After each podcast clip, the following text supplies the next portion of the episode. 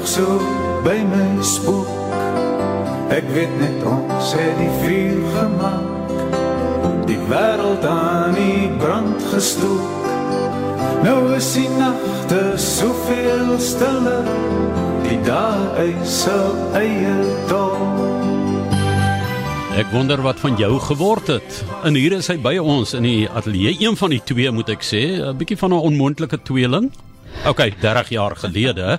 Uh maar dis Lognet 'n kok wat vandag by ons kuier. So Loggie, baie welkom hier so in die ateljee. Dankie, Valiant Swart noem ons die Toxic Twins. O, dit is 'n mooi Engelse vertaling van die onmoontlike twee. Die toksiese tweeling. Yes. Nou ehm um, jy is eintlik 'n man wat jou wortels in die Kaap gehad het. Wat is nou 40 jaar later en nou is jy weer terug in die skadu van Oudtafelberg. Kan jy glo die sirkel is voltooi? Weet ek het in baie plekke groot geword, meestal in in Belwel en die Langskool gewees en maar party van ons was maar bietjie stout jongtyd gewees, jy weet, toe ek in Mamasbury opgeëindig in die hoërskool Swartland.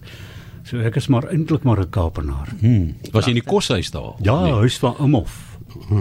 Nou het hulle dan nou die stout seuns so hanteer in die koshuise. My dwars deur matriek gevoeter, ek beloof jou.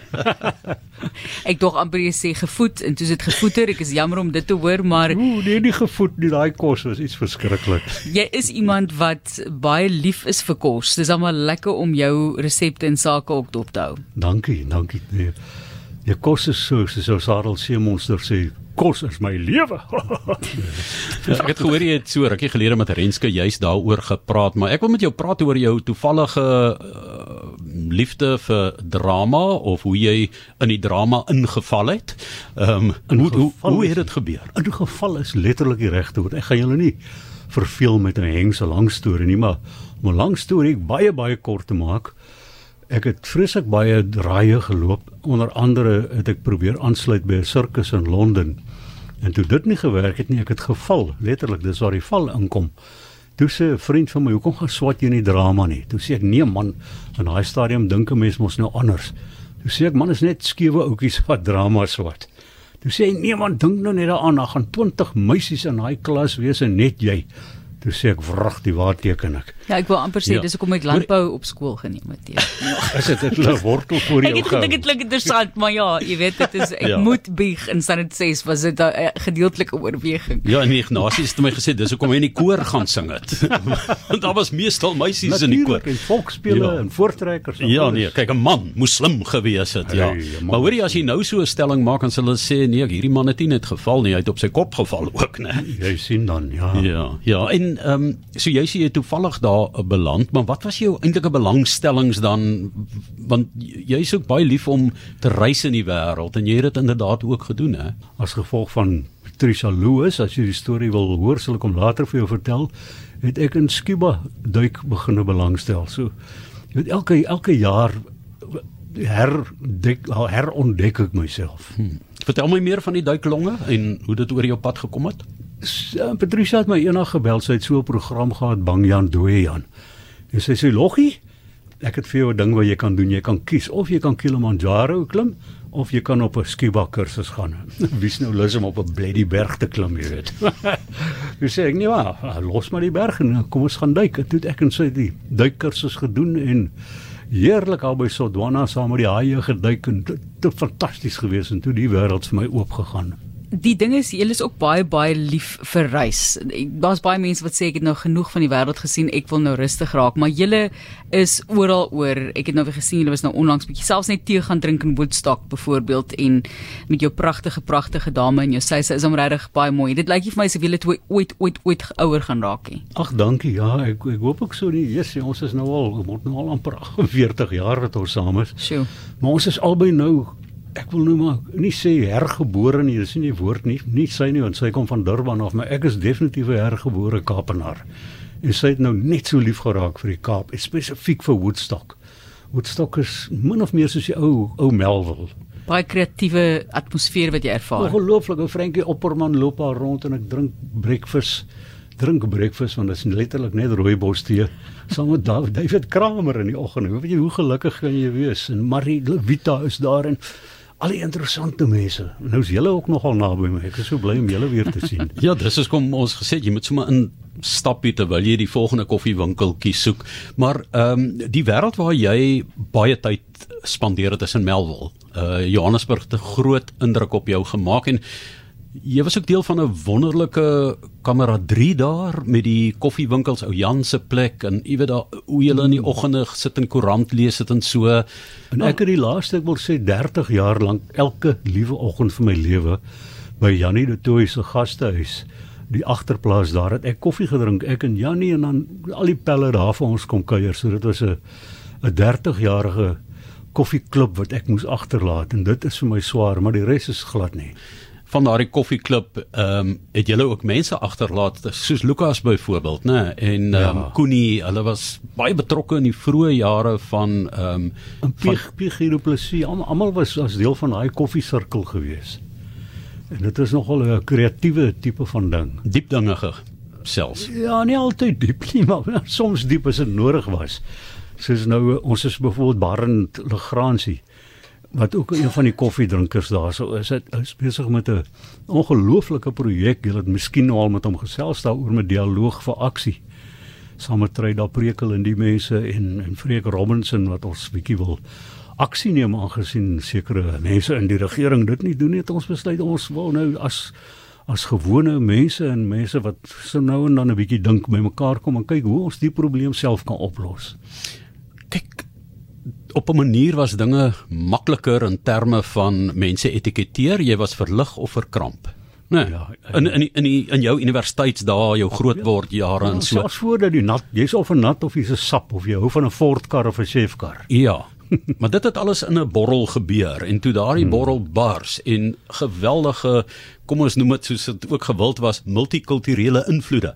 Hmm. Jy weet, eh, toegetree het die landskap heeltemal verander. Hoe hoe het julle as kunstenaars daarmee gehandel? Want eh, kyk, daar was platforms wat maklik toeganklik was en toe moes julle skielik begin stoei met ja. meer as Suid-Afrikaners vir ruimte. Dis reg en ek is baie dankbaar daarvoor. Jy weet, dis hoogtyd dat almal 'n kans kry. Jy weet, ons was geweldig bevoorreg geweest.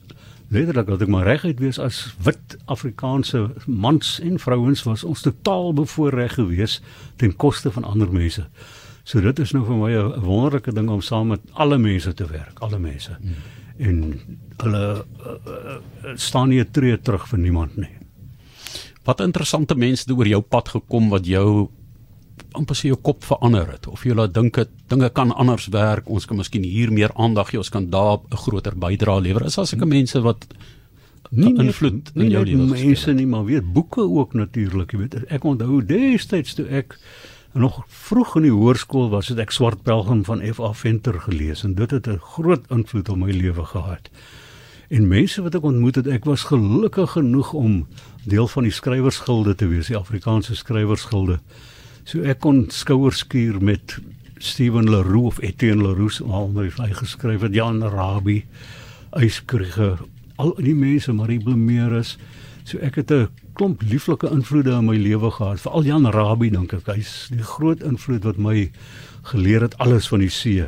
Binne in die see, binne in die rotspoele, in die duine, al die kosse wat jy kan maak en dit het 'n groot invloed op my latere kookkuns gehad ook.